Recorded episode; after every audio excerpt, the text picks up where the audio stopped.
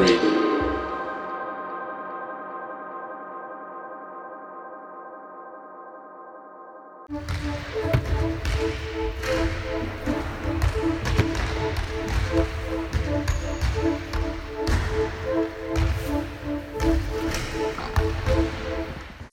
Armsad Ida raadio kuulajad, mina olen Laura Toots. käes on oma järjekorras kaheksas kultuurijuhtija saade. täna esimest korda on meil külas kaks inimest ja täna esimest korda ei räägi me ainult ühe inimese juhiks kasvamisest ja tema juhtimispõhimõtetest, vaid vaatluse all on pigem üks kultuurijuhiks arendamise programm nimelt Kultuuriministeerium koos Invicta OÜ-ga alustasid äh, kultuuriliidri arenguprogrammi käesoleval aastal, mille esimene lend siis septembrikuus juba alustabki ning mõlema osapoole esindajatega me täna selles saates vestleme.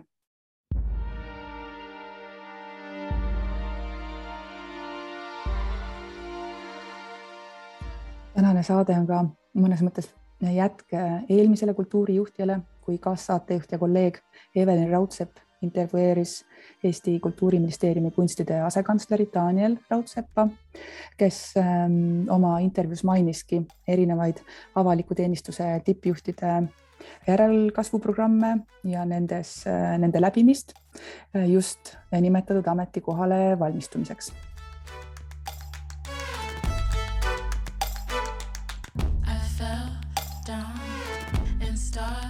started back up and sailed and failed. I'm too unique to kneel. I washed away my fears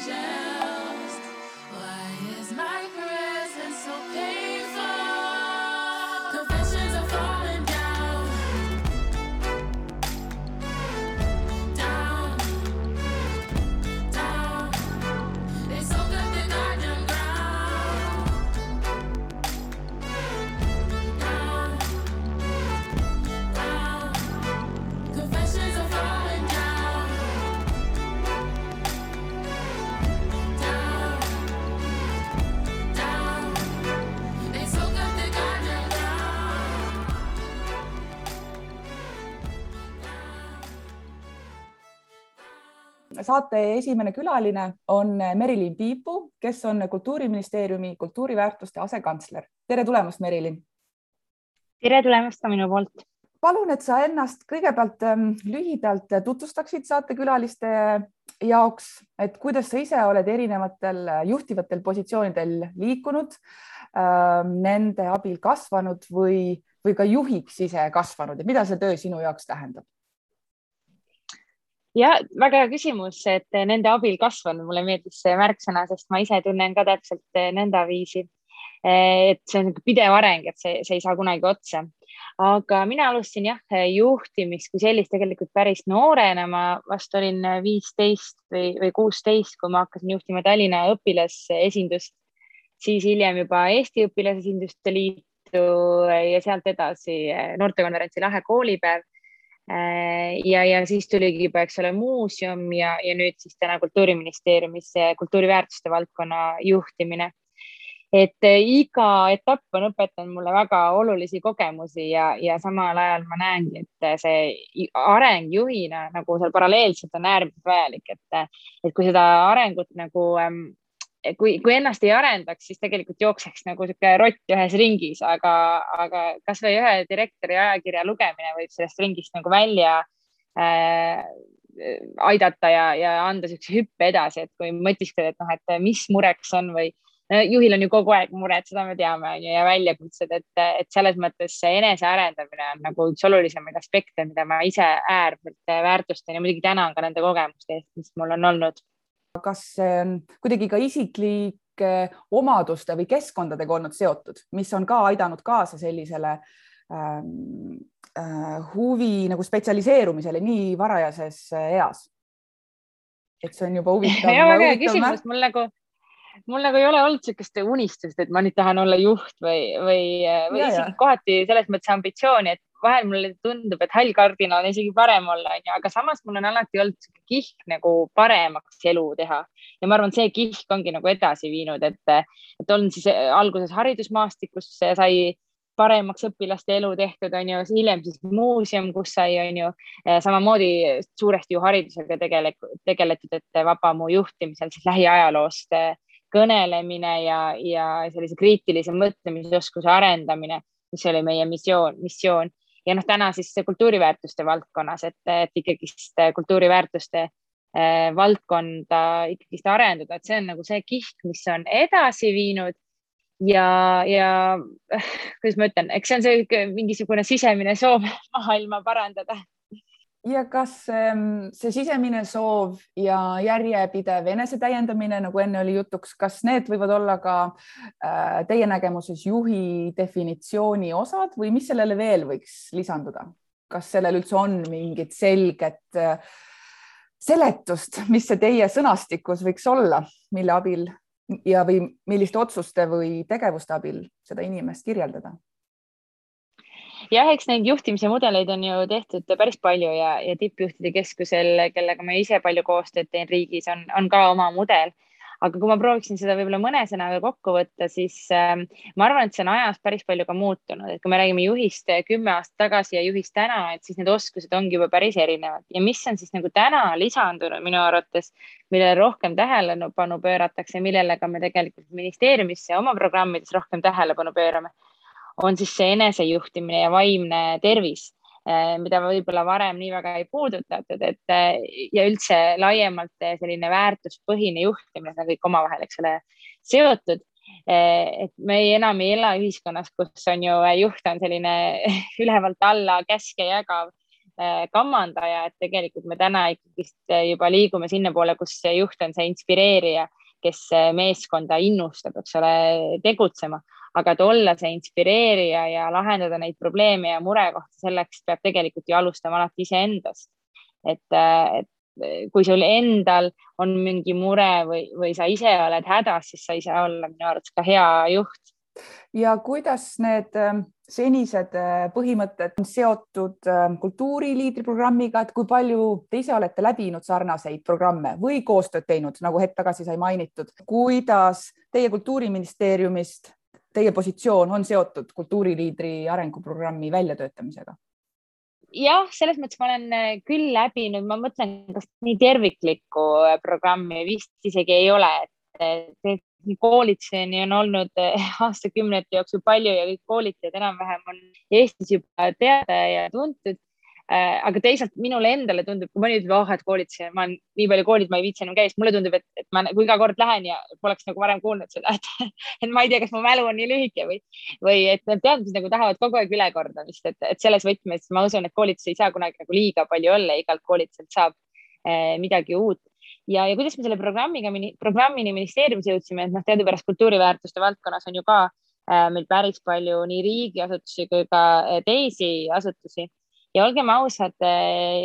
kui me korraldasime siis värbamiskonkurssi asutuste juhtide positsioonidele, siis meil oli küllaltki vähe kandidaate ja ütlen ausalt välja, et ei ole olnud niivõrd tugevad konkursid. ma arvan, me oleme tugevad juhid saanud, onju, aga ma arvan, tugevatel juhtidel endal on ka alati hea meel, konkurss on, eks ole, hea. et, et meil selles mõttes on võib-olla mingil määral vedanud, aga kui vaadata strateegilises pikas plaanis, siis võib-olla kultuurivaldkonnas juhtimine ei ole midagi sellist, mida oleks noh, nii-öelda juhiks pigem nagu kasvatakse kas meeskonna seest ja, ja siis võib-olla pikka aega on olulisemad isegi olnud need sellised äh, ajalooteadmised näiteks äh, muuseumite valdkonnas, mitte nii väga juhtimisteadmised. et see ei ole tingimata halb, et inimesel on väga tugevad museoloogia või ajalooteadmised, aga nüüd on küsimus, kuidas neid juhtimisteadmisi sinna äh, kõrvale saada, et, ütleme nii, et me nägime päris selget vajadust sellise programmi järele, nii järelkasvu kasvatamise mõttes kui ka siis tänaste juhtide nii-öelda just nimelt juhtimisoskuste arendamise mõttes ja noh, me tahame loota, et see ei jää nagu ainult üheks programmiks, vaid tekibki harjumus ja kultuur siis nagu kogu aeg juhtimisoskusi eh, professionaalselt arendada. kas lisaks nende värbamisprotsessidele nii Kultuuriministeeriumi sees või võib-olla ka selle nagu lähiümbruses ja koos ministeeriumiga, kas olid ka valdkonna seest info ja vajaduste koondamine ähm, mingis ulatuses oluliseks ja määravaks protsessiks selle programmi loomisel või, või kas mingit kaasamist ja läbirääkimisi ka toimus või need olidki pigem erinevate nõunike ja asekantslerite ja, ja laiemalt Kultuuriministeeriumi enda töö? Jah, selles mõttes eh, teatud mõttes otseselt programmi me nii-öelda ringile ei saatnud, et, et mida te ja kuidas tahaksite, eks ole, täiendada. aga ministeerium on, on ju aastast kaks tuhat kolmteist teinud juba erinevaid koolitusi ja tippjuhte nagu ja keskastme juhte tegelikult nagu aasta ringi kokku kutsunud ja, ja eks me iga aasta siis oleme kogunud koolitusvajadusi ja nendest koolitusvajadustest eh, on see suuresti ka lähtunud, et ja just nimelt, et see, et me oleme siin teinud erinevaid programme, noh näiteks eh, teenuse disaini osas või, või ehm, teeninduskultuuri ja nii edasi, et nendest vajadustest lähtuvalt, mida asutused saadavad. Aga nüüd on nagu oleme nüüd kombai, kombineerinud eh, kõik need, ütleme nii, vajadused siis ühtseks terviklikuks programmiks, mis oleks siis nagu algusest lõpuni läbi mõeldud ja ja just nimelt, mis aitaks ka siis neid eh, samu muudatusi samal ajal organisatsioonis ellu viia, et see ei oleks ainult nagu üks koolitus, käin ära, lähen tagasi ja, ja sinna see jääbki jah, nõnda tegelikult sai ka kultuuriliidri äh, materjalidest äh, sai, ma arvan, sama põhimõte väga selgelt edasi antud ja ka infopäevadelt, et see ikkagi peaks olema väga nagu praktiline ja nii-öelda käed külge nõudmistega programm selle läbijatele. aga kas äh, Kultuuriministeeriumil oli omalt poolt ka mingi põhimõte või, või mingid konkreetsed ideed, kas sisu või vormi osas, mis pidid äh, programmi saama või jääma, kuidas oma valdkonna eest seistes äh, ähm, seda nagu laiemalt kultuurimaastikku koolitajatele tutvustada. et, et kuidagi see saaks väga balansseeritud või seda vajadusi katvaks programmiks ja võib-olla ühe niisuguse aspekti ma tooks välja küll, et, et meil on, me, me tegelikult ka seal pakkumises kirjeldasime, meil on ju riigis päris palju sarnaseid programme, et Newton ja Kaja ja Kesta ja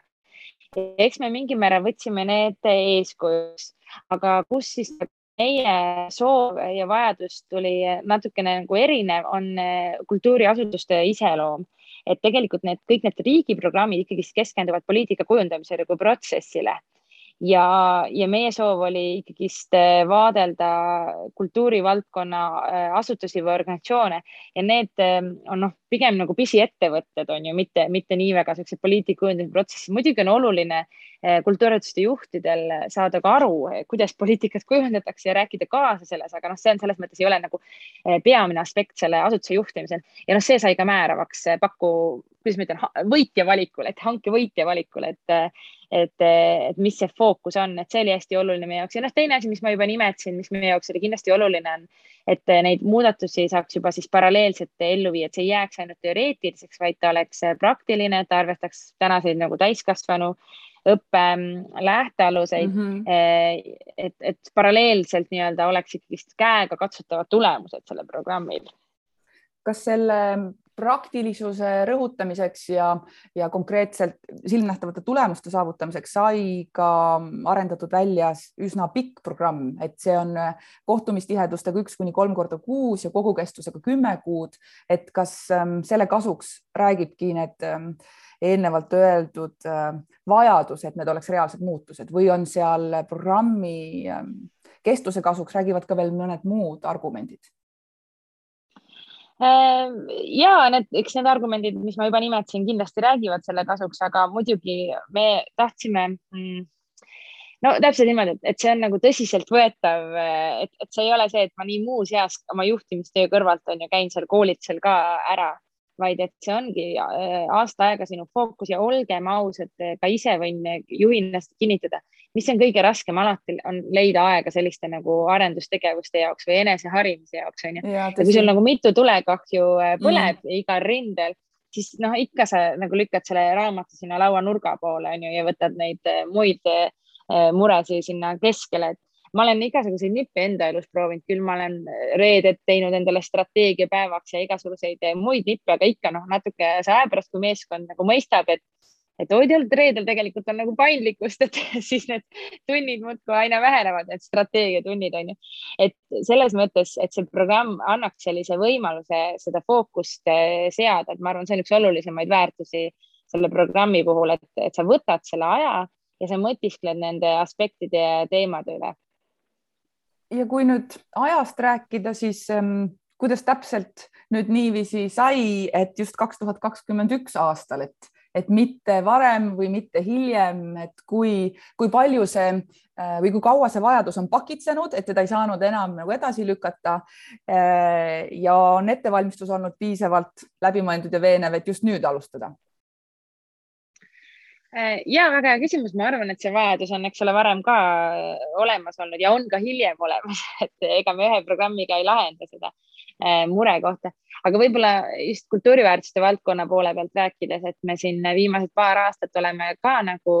iga aasta, eks ole, seadnud siuksest, vaadanud üle strateegilised sihid, siuksed SWOT analüüsid teinud oma valdkondade kohta ja nüüd muidugi siis Äh, sai need siis kirjutatud läbi ka uuesti, eks ole, kultuuristrateegia kaks tuhat kolmkümmend tegemisel ja tehtud on ju kaks tuhat kakskümmend äh, aruanne, et kogu selle protsessi kontekstis no, vaatas nagu aina rohkem karjuvalt äh, otsa see järelkasvu murekoht, et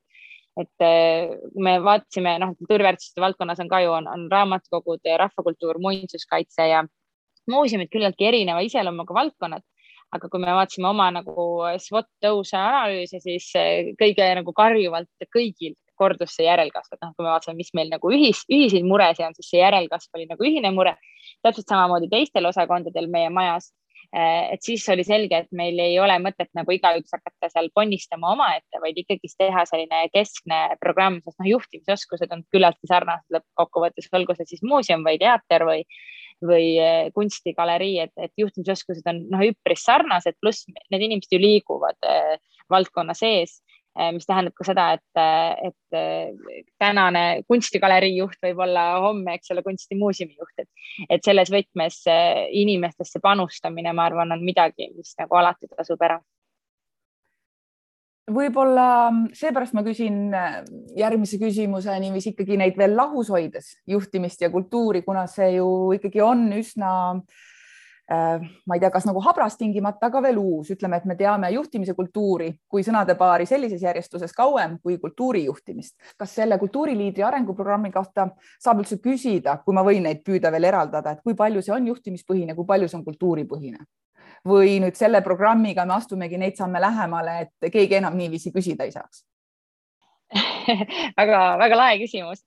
Ja väga huvitav sõnamäng, et noh, ma ise olen antropoloogi taustaga, et, et ma tahaks öelda, et need sõnad ju aina nagu äh, lähenevadki üksteisele, et, et aina rohkem tegelikult ka tippjuhid siis ma ei tea, ärimaailmas või mujal maailmas, mitte kultuurimaailmas äh, jõuavad sinna, et tegelikult äh, juhtimine on kultuuri küsimus ja, ja omakorda siis, eks ole, ka kultuuri juhtimine selles võtmes ei erine, ma arvan, väga paljuski teiste asutuste juhtimisest, et lõpuks sa tegeled ikka inimestega, sa tegeled iseendaga sa tegeled tulemuste seadmid, seadmisega, noh, võib-olla seal mingid nüansid on, et kas, kas sa teed seda kvantitatiivselt või kvalitatiivselt, on ju, et pangas võib-olla on lihtsam mõõta kvantitatiivselt, on ju. kultuurivaldkonnas me räägime aina rohkem kvalitatiivsest Äh,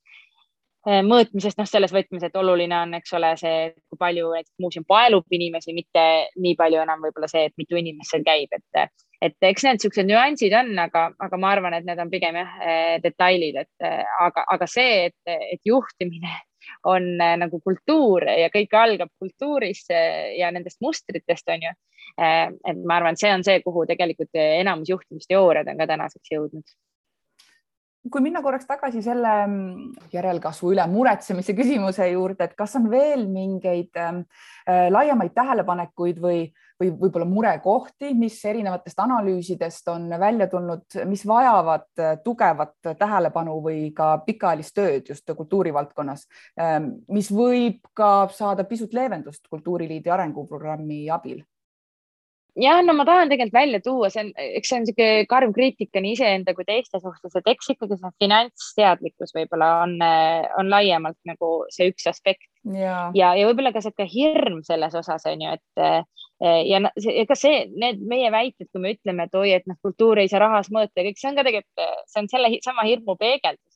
ma arvan, et siin meil nagu palju õppida just selles võtmes, et, et arvutada ja, ja vaadelda ja mõelda, kuidas ikkagist et kultuur tegelikult on nagu majanduse võimendaja, on ju, et me oleme juba jõudnud selleni, et me ütleme selle sõnapaari välja, aga kui meie küsitakse, et palun konkreetseid näiteid, siis me võib-olla noh, toome nüüd juba filmi või mõne näite, mis meil on siin Tenet ja muud asjad on ju, aga et, et me igas valdkonnas nagu äh, ei, ei tohiks seda majandussõna karta, et äh, ja, ja, ja üldse nagu selline, et, et tõsine kultuuri tegemine versus raha tegemine on ju, või või äh, palju ju muuseumite maailmas räägitakse sellest, et noh, et lõbustusasutus versus on ju tõsine haridusasutus. et noh, meil tegelikult minu arust need teljed on ju ikkagist meie enda nagu äh, loodud ja selliseid telgesi nagu ei pruugi eksisteerida, et, et üks muuseumi eksponaat saab olla samal ajal hariv ja, ja paeluv ja lõbus on ju et, et ja, ja täpselt samamoodi see e muuseumil eesmärk nii-öelda külastajaid tuua või, või kasumit teenida, et need ei pruugi olla nagu omavahel vastuolus, et, et ma arvan, et see on see, mis, mida me võiksime nagu rohkem kultuurivaldkonnas silmas pidada ja, ja need finantsoskused ja ma, aga ma ütlen, see algab sellest, et me ju ei mõista seda keelt ja kui me ei mõista seda keelt, siis tekibki on ju hirm ja, ja siis me nagu poeme võib-olla sinna, et me teeme seda tõsist asja, ärge tulge meile siin kahest rääkima. ja just vaatan nüüd vahepeal kella ja mis on ka siin hoogsalt edasi tiksunud ja hea meelega lõpetuseks äh, paar küsimust taas. Ehm, Merilin, teie töö võib-olla ka nagu enda positsiooni ja, ja juhtimise kohta. millist nõu annaksite inimesele, kes on, nagu enne mainisite, ka spetsialistist kasvanud edasi juhiks oma organisatsioonist näiteks ja on, äh, on kas sattunud või küll teadlikult töötanud selle nimel, et jõuda juhtivale ametikohale, et mis oleks teie poolt, teie kogemuse põhjal need eh, do's and don'ts nii-öelda, kui sa leiad ennast sellest positsioonist kogu selle eh, pärandi ja, ja nõudmistega, mis on vaja siis juhtival kohal, siis nüüd eh, žongleerima hakata jah, eks, eks ma olen ise need vead muidugi läbi teinud ja ma ei tea, võib-olla saab neid vältida. aga eks põhiline on ikkagi see operatiivselt tasandilt strateegilisele tasandile nii-öelda juhtimiskeeles minek, mis tähendabki seda, et et, et selline viie aasta, kümne aasta perspektiiv, tuleviku mõtlemine, sellise aja võtmine, et, et vaadata otsa nagu suurtemale süsteemidele ja struktuuridele. ja, ja jälle sellise igapäevase laualt kõrvale tõstmine, et kõik, mida nagu võimalik delegeerida on, tegelikult juht ei tohiks teha, et kui me vaatame, ma väga tihti ütlen seda lauset, et sinu, nii kolleegidele kui sõpradele, kui, et noh, kui sa vaatad oma palgataset, siis sa ei tohiks seda teha et, et selles mõttes kui me vaatame, kui on ju suur, on juhi palgatase mm, -hmm. siis tegelikult ta ei tohiks selle palgataseme töö eest nii-öelda liiga palju sellist äh, igapäevast tööd, mida kas masin võib ära teha, on ju, eh, või, mhm. või, või teised võivad ära teha, et siis, siis seda ei tohiks nagu endale tegelikult eh, lubada. ja noh, ma ei taha muidugi palgatasemest ainult rääkida, ma just mõtlen ka sellisest võimekusest ja, ja oskustest, et mille peale sa oma võimekust ja oskusi iga päev kulutad, et see on nagu üks olulisemaid aspekte. ma tean, et seda on nagu äh, raske teha ja, ja võib-olla see on mm, ongi see murekoht, kuhu me tihtipeale kinni jääme ka väikses ühiskonnas, et ei ole liiga palju delegeerida ju võimalik, on ju, et, et ja, ja, ja tundub nagu, et kõik on vajalik. aga, aga siis siin jälle aitavad erinevad süsteemid ja, ja noh Eh, nii-öelda enese aja analüüsi jaoks on olemas päris palju süsteeme, et eh, mille peale see minu aeg eh, täna kulub, et seda on nagu võimalik teha. ja kui sa võtad mingi aja ja teed mingid strateegilised käigud on ju täna ära, siis tegelikult võib-olla homme sul ei ole nii palju tööd laua peal on ju. see kõlab lõpusõnadeks, ma arvan, väga julgustavalt Äh,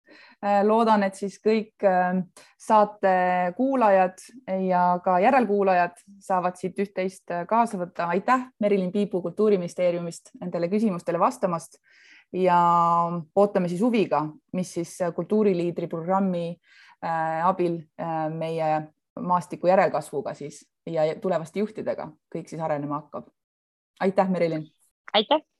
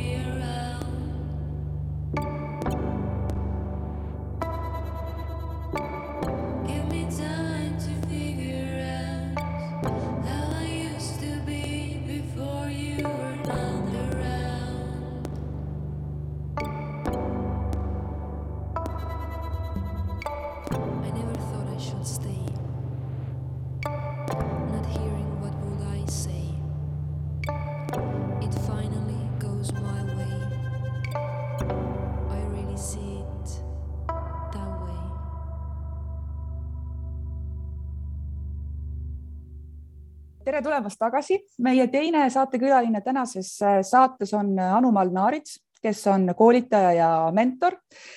ta on nii Invicta osaühingu juhtimisajakirja direktor ja Marketing Instituudi tegevjuht ja lisaks sellele on Anu ka kultuuriliidri programmijuht ja koolituspäevade moderaator. tere tulemast saatesse, Anu Malnaarits. tervist, rõõm olla siin teiega nii, ähm, võib-olla tutvustad sa organisatsioone, mm, mida juhid, kellega koos äh, nendes töötad äh, ja kuhu te kollektiividena suundute, et saaksid äh, kuulajad ka rohkem taustainfot? Need kaks tiimi, mis meie organisatsioonis on, üks tegeleb siis ajakirja direktor väljaandmisega ja teine koolitustega. Ja ajakiri direktor on, ma arvan, et Eestis selline hea juhtimismõtte kujundaja ja, ja hästi paljudes organisatsioonides öeldakse, et ta on juhtidele selline hea töövahend, kus nad saavad siis motivatsiooni, inspiratsiooni, õppida teiste kogemustest ja tegelikult ka uusi mõtteid, mida ellu viia ja kui me vaatame koolituste poole pealt, siis koolitustes täna me toimetame nii Eestis kui Ukrainas ja oleme just spetsialiseerunud sellistele no vot, meie kohta öeldakse tihti Ukrainas, et see on see flagship programm. Ehk siis need on need suured, keerulised ja mõjusad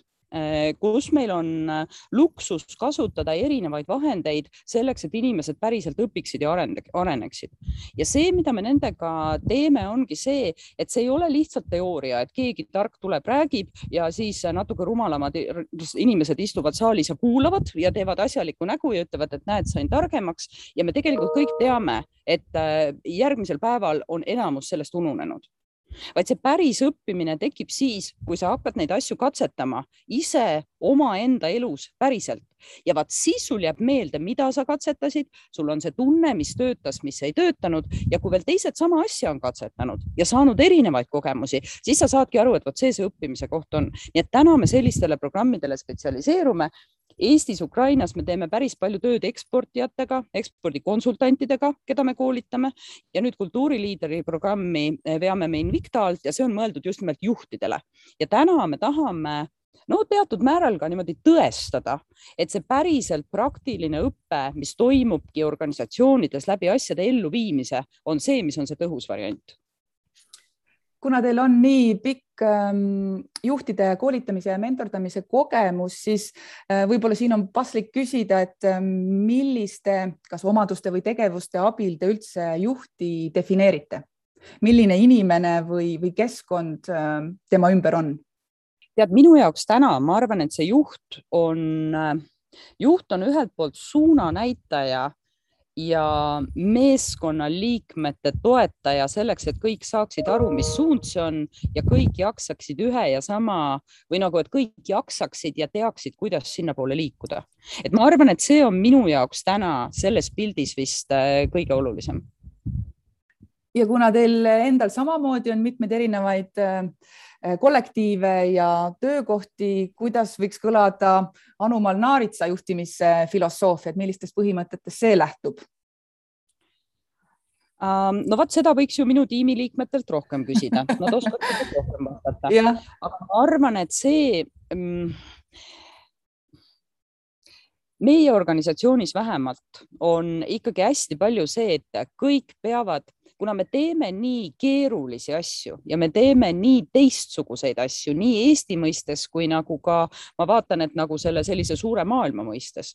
siis tegelikult hästi palju meil on seda, kus me katsetame ja proovime uusi asju, et mismoodi me saame seda koolitust tõhusamaks, mismoodi me saame inimesi koolitusel veel rohkem toetada, mis töövahenditega, et seal on hästi palju sellist katsetamisjulgust ja hästi palju ma julgustan inimesi, et mõtle ja katsu teha ja nagu niisugune kasv kasvule suunatud, et me kõik oleme pildil ja me koos õpime ja see on tegelikult mm, -hmm. kus mhm. ägedus tekib, et me kõik oleme targemad kui aasta või kaks aastat tagasi ja me kogu aeg noh, katsetame ja proovime ja leiutame natuke seda jalgratast ja hakkame tööle ja siis lähme jälle nagu sinna juba mootorratta suunas, eks ju. et ma arvan, et see on vist see põhiline mida nad, mida nad peaksid tunnetama, et tegelikult sa kogu aeg aitad neil nagu kas-, no natuke sakutad ja no mõnikord tuleb noh, niisugune noh, katsud seda teed ikka näidata, et, et kuhu poole me liigume kui nüüd rääkida katsetamisest ja ka uudsusest, ähm, siis mille poolest näiteks see äh, kultuuriliidri arenguprogramm, mida siis Kultuuriministeerium ja Invicta koos äh, veavad ja on välja arendanud, äh, et mille poolest see erineb teistest sarnastest tippjuhtide või keskastme juhtide arenguprogrammidest. Nendeks on näiteks Newton ja Kaja ja Kesta, et mis on siin kultuuriliidri puhul need, need uudsused või äh, millistest vajadustest see on lähtunud ja et ta üldse sündida sai? see on lähtunud või see on alguse saanud sellest, et tegelikult me ju oleme vaadanud neid äh, Kajasid ja Newtoneid ka hästi palju ja, ja minu enda kogemus nüüd, kui ma vahepeal olen äh, niimoodi laiemalt rahvusvaheliselt toimetanud, on ikkagi see, et kus kohas tekib õppimine et kus kohas tekib see, et inimene ütleb, et ma arenesin või ma liikusin sammu edasi? Äh, ja, ja kui muidu tavaliselt koolitusel on see, et sulle tuleb koolitaja, ta on ette valmistanud, no ma ei tea, Newtonis või ma ütleme, kõiki programme ei tea, aga mõnes ma olen vaadanud, koolitaja tuleb, tal on kuuskümmend neli slaidi, tal on kaheksa tundi, saalis on, äh, ma ei tea, kakskümmend, kolmkümmend äh, väga ägedat juhti vahepeal on kolm grupitööd, kus me arutame neid teemasid ja siis minnakse koju ja noh, võib-olla, et midagi rakendatakse ellu, võib-olla tehakse mingi kodune töö, aga sellega asi piirdubki. ja tihti see, mis me sellisest õppest kätte saame, ongi see, et nii palju toredaid uusi teooriaid, aga tihti see probleem päriselus on, et see juht läheb kontorisse tagasi ja tal on pea uusi teooriaid täis. Ja no ma ei tea, kas sa oled kogenud seda, mis juhtub siis, kui sinu juht tuleb kontorisse tagasi uute teooriatega sa vaatad talle otsa nagu ilma imele ja mõtled, et issand jumal, läheks see õudus ära ärge jumala eest järgmisele koolitusele saatke, ma ei saa mitte midagi aru, laske mul mu tööd rahulikult teha. ja see on tihti see, mis sealt tekib eks ju. ja täna öö, olen ma selles kultuuriliidris ja tegelikult üsna paljudes kohtades, mida me nüüd oleme Ukrainas saanud katsetada, võtnud selle viisi, et esiteks sa õpid koos tiimiga, see tähendab seda, võta need materjalid, mis sa õpid, ja aruta see oma tiimiga läbi ja küsi, kuidas me neid päriselt katsetada saame. kui meil on vaja üle vaadata strateegia, meil ei ole kasu sellest, et juht on tark ja teab üksinda, mis see strateegia on. kogu tiim peab teadma ja peab aru saama ja peab kaasa rääkima, kas me lähme sinna või sinna või siis kas mingi asi on rohkem realistlik või vähem realistlik, eks ju. et mul on vaja, et see läheks tiimi sisse see on see koht, kus tekib usaldus tiimi ja tema liikmete vahel ja kõik saavad aru, millest juht räägib ja kõik oskavad kaasa mõelda. Ja see on nüüd see, kus see kasu hakkab organisatsioonis tekkima, ehk siis juhi ümber koondub meeskond kes saab aru, et vot me teeme selliseid asju, nad teavad, et juht käib koolitusel ja nad teavad, et juht, et nad on osa sellest õppimise tiimist. Ja see on nüüd see suur erinevus. nüüd ideaalis kui mul võimalus oleks, siis ma ütleks alati seda, et palun tulge juhtimiskoolitusele kahe või kolmekesi. täna kultuuriliidris on meil kolm tandemit, kus ongi ühest organisatsioonist kaks inimest, seesama mõte, sa ei vii muutusi läbi üksi. Mitte kunagi, üksi sa oled seal kuskil üksi, unustad või unistad, mida kõike ma võiks teha, aga päriselt sa viid seda läbi ainult siis, kui su tiim sinuga kaasa tuleb, nagu päriselt. see tähendab seda, et kui tekib tandem, sul on keegi, kellega arutada, sul on natuke nügida ja müksata, ega see juht ka lõputult ei jaksa, siis sealt see jõud nagu tugevneb ja vot see on see, kus see erinevus tuleb, ehk siis see õppimise koht peab minema meeskonda. see, mis väliselt paistab, on see, et ma ei luba koolitusele kuuekümne nelja slaidiga mitte ühtegi koolitajat sest see on lihtsalt nagu teooria ettevuristamine, mis on nii tore. aga ma organisatsioonis juhina suudan sealt rakendada mõnda ja ma tahan, et me teeme teadlikke valikuid, mis on need, mida teie ehk siis kultuurivaldkonna tüüpi organisatsioonides vaja on seal ei ole vaja kogu ärimaailma teooriaid, mida on maailmas miljoneid, aga me teeme mõistlikud valikud, ütleme, meile tundub, et nende tööriistadega te võiksite saada oma organisatsiooni arendada ja ütleme, et palun hakake pihta. ja sinu kodune ülesanne ongi meeskonnaga asjad läbi arutada ja tulla tagasi ja rääkida sellest, kuidas läks kus sa kinni jooksid, kus sul oli julgust vähem muudatusi teha, kus nad üldse aru ei saanud või mõnes kohas ka see, et aga tead, see tööriist ei sobi meile ja ma ütlen aitäh, järgmine kord teeme parimad valikud väga hea, kui, ähm, kui palju selle äh, programmi puhul ähm, võiks pidada teda nii kas juhtimispõhiseks või kultuuripõhiseks. millist sisendit selle arendamisel andis Invicta ja millist Kultuuriministeerium? tegelikult on see niimoodi, et see on juhtimisprogramm,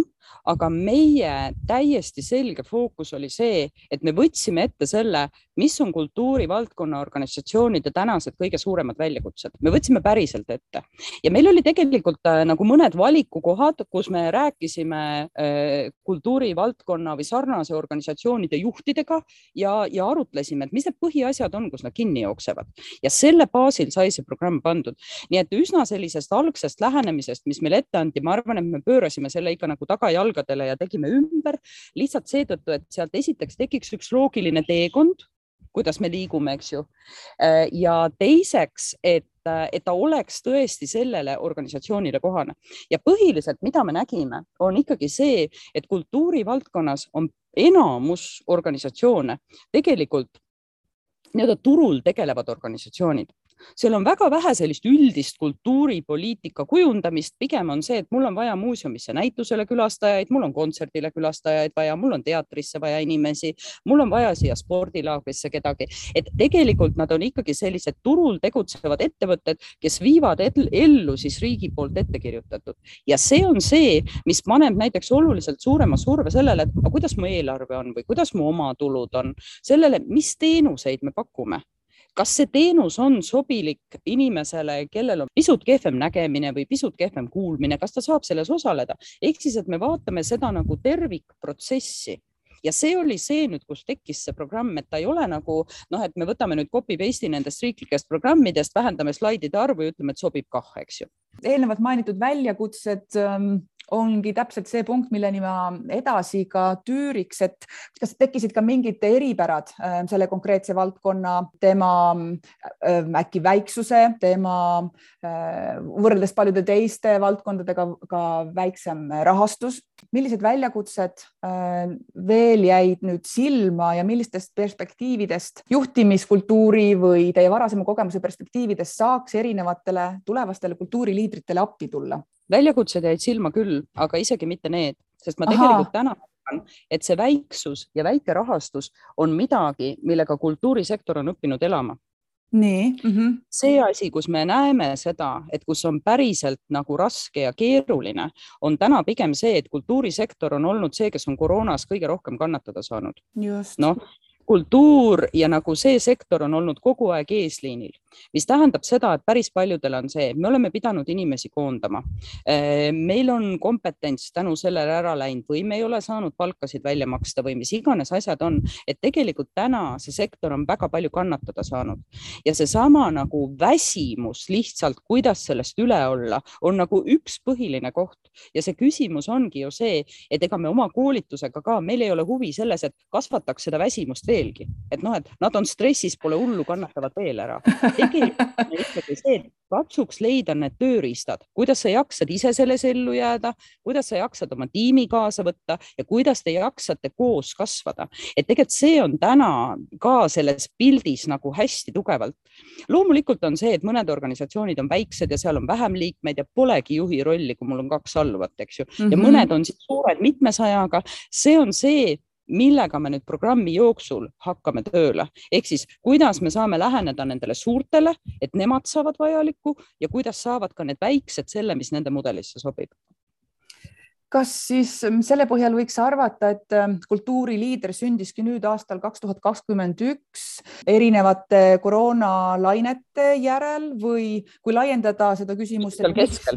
et jah, et miks mitte viie aasta eest või miks mitte viie aasta pärast, et miks just nüüd, sellel aastal? no vot seda ma ei tea, et tegelikult on ikkagi tellija Kultuuriministeerium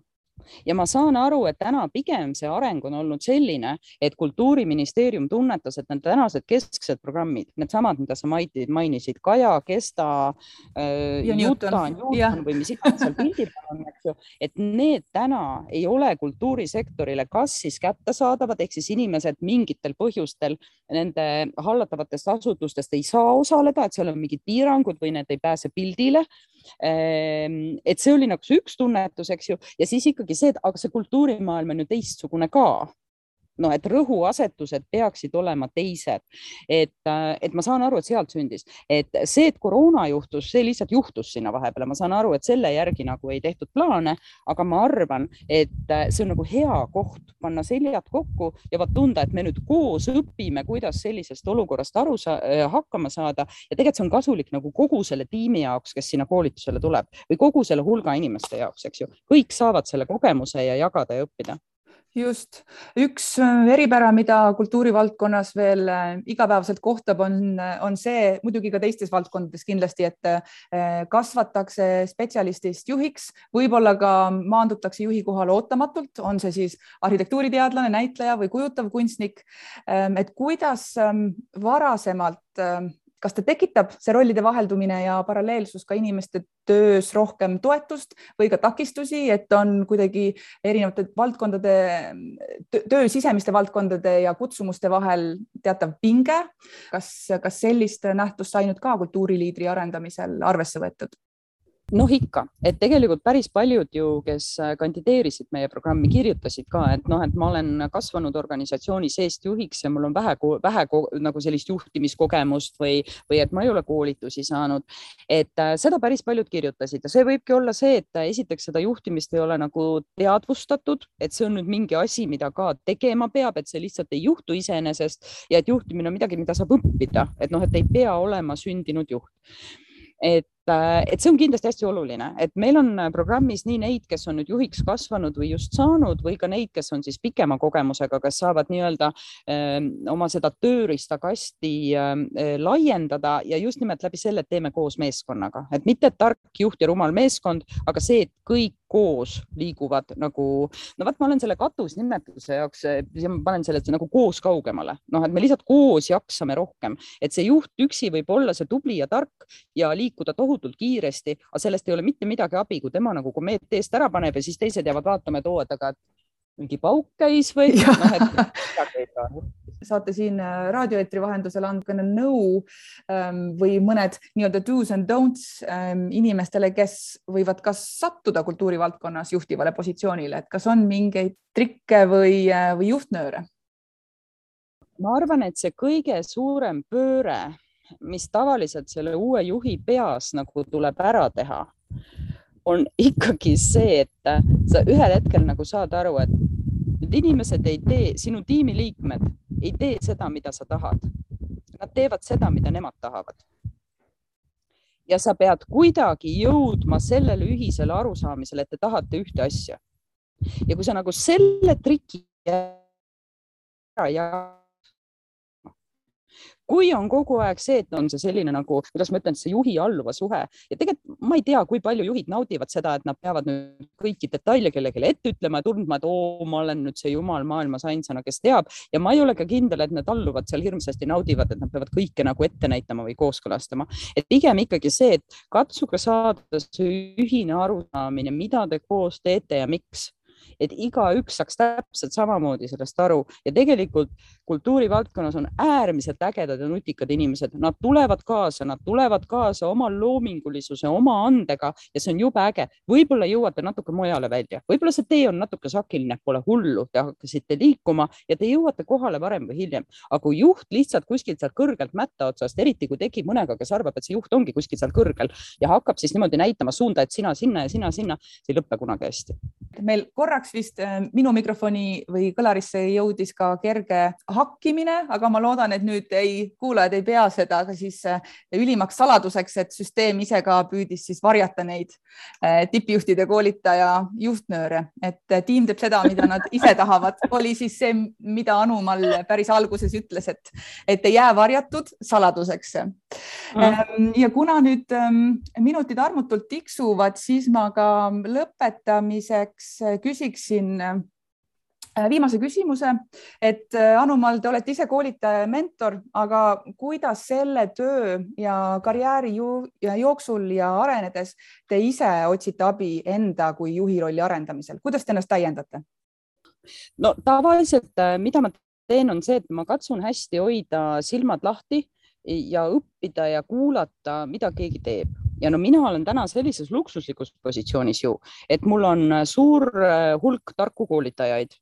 kellega me saame läbi arutada, kes mida teeb, kellel missugused kogemused on ja ma alati korjan sealt mingid terad enda jaoks välja. ja no teine luksus on mul ikkagi meie ajakiri direktor, kus meie toimetajad teevad väga suure eelduse see, mis sinna ajakirja satub, on ka see, kus ma alati ikka vaatan selle pilguga, et oi, et see on nagu hea nipp või see on mingi hea asi, mida tasub proovida. ja noh, kolmas on see, et kui ma ise mingit koolitust pean ette valmistama, no siis ma pean ka mingid asjad enda jaoks läbi töötama, läbi seedima ja ma ütlen, et okei okay,, vot see on midagi, mida ma tahaks kaasa võtta. noh, täna me uurime teemat äh, agiilne juhtimine, eks ju, noh, et mis ma saaksin võtta, kuidas ma saaksin võtta, et need on tegelikult need kolm allikat, mida ma iseenda jaoks kasutan Rõõm kuulda, aga siis äh, siinkohal jätamegi hüvasti. Äh, lehvitan siit äh, omalt poolt sinna teisele poole ekraani õunapuuaeda. aitäh, Anu-Mall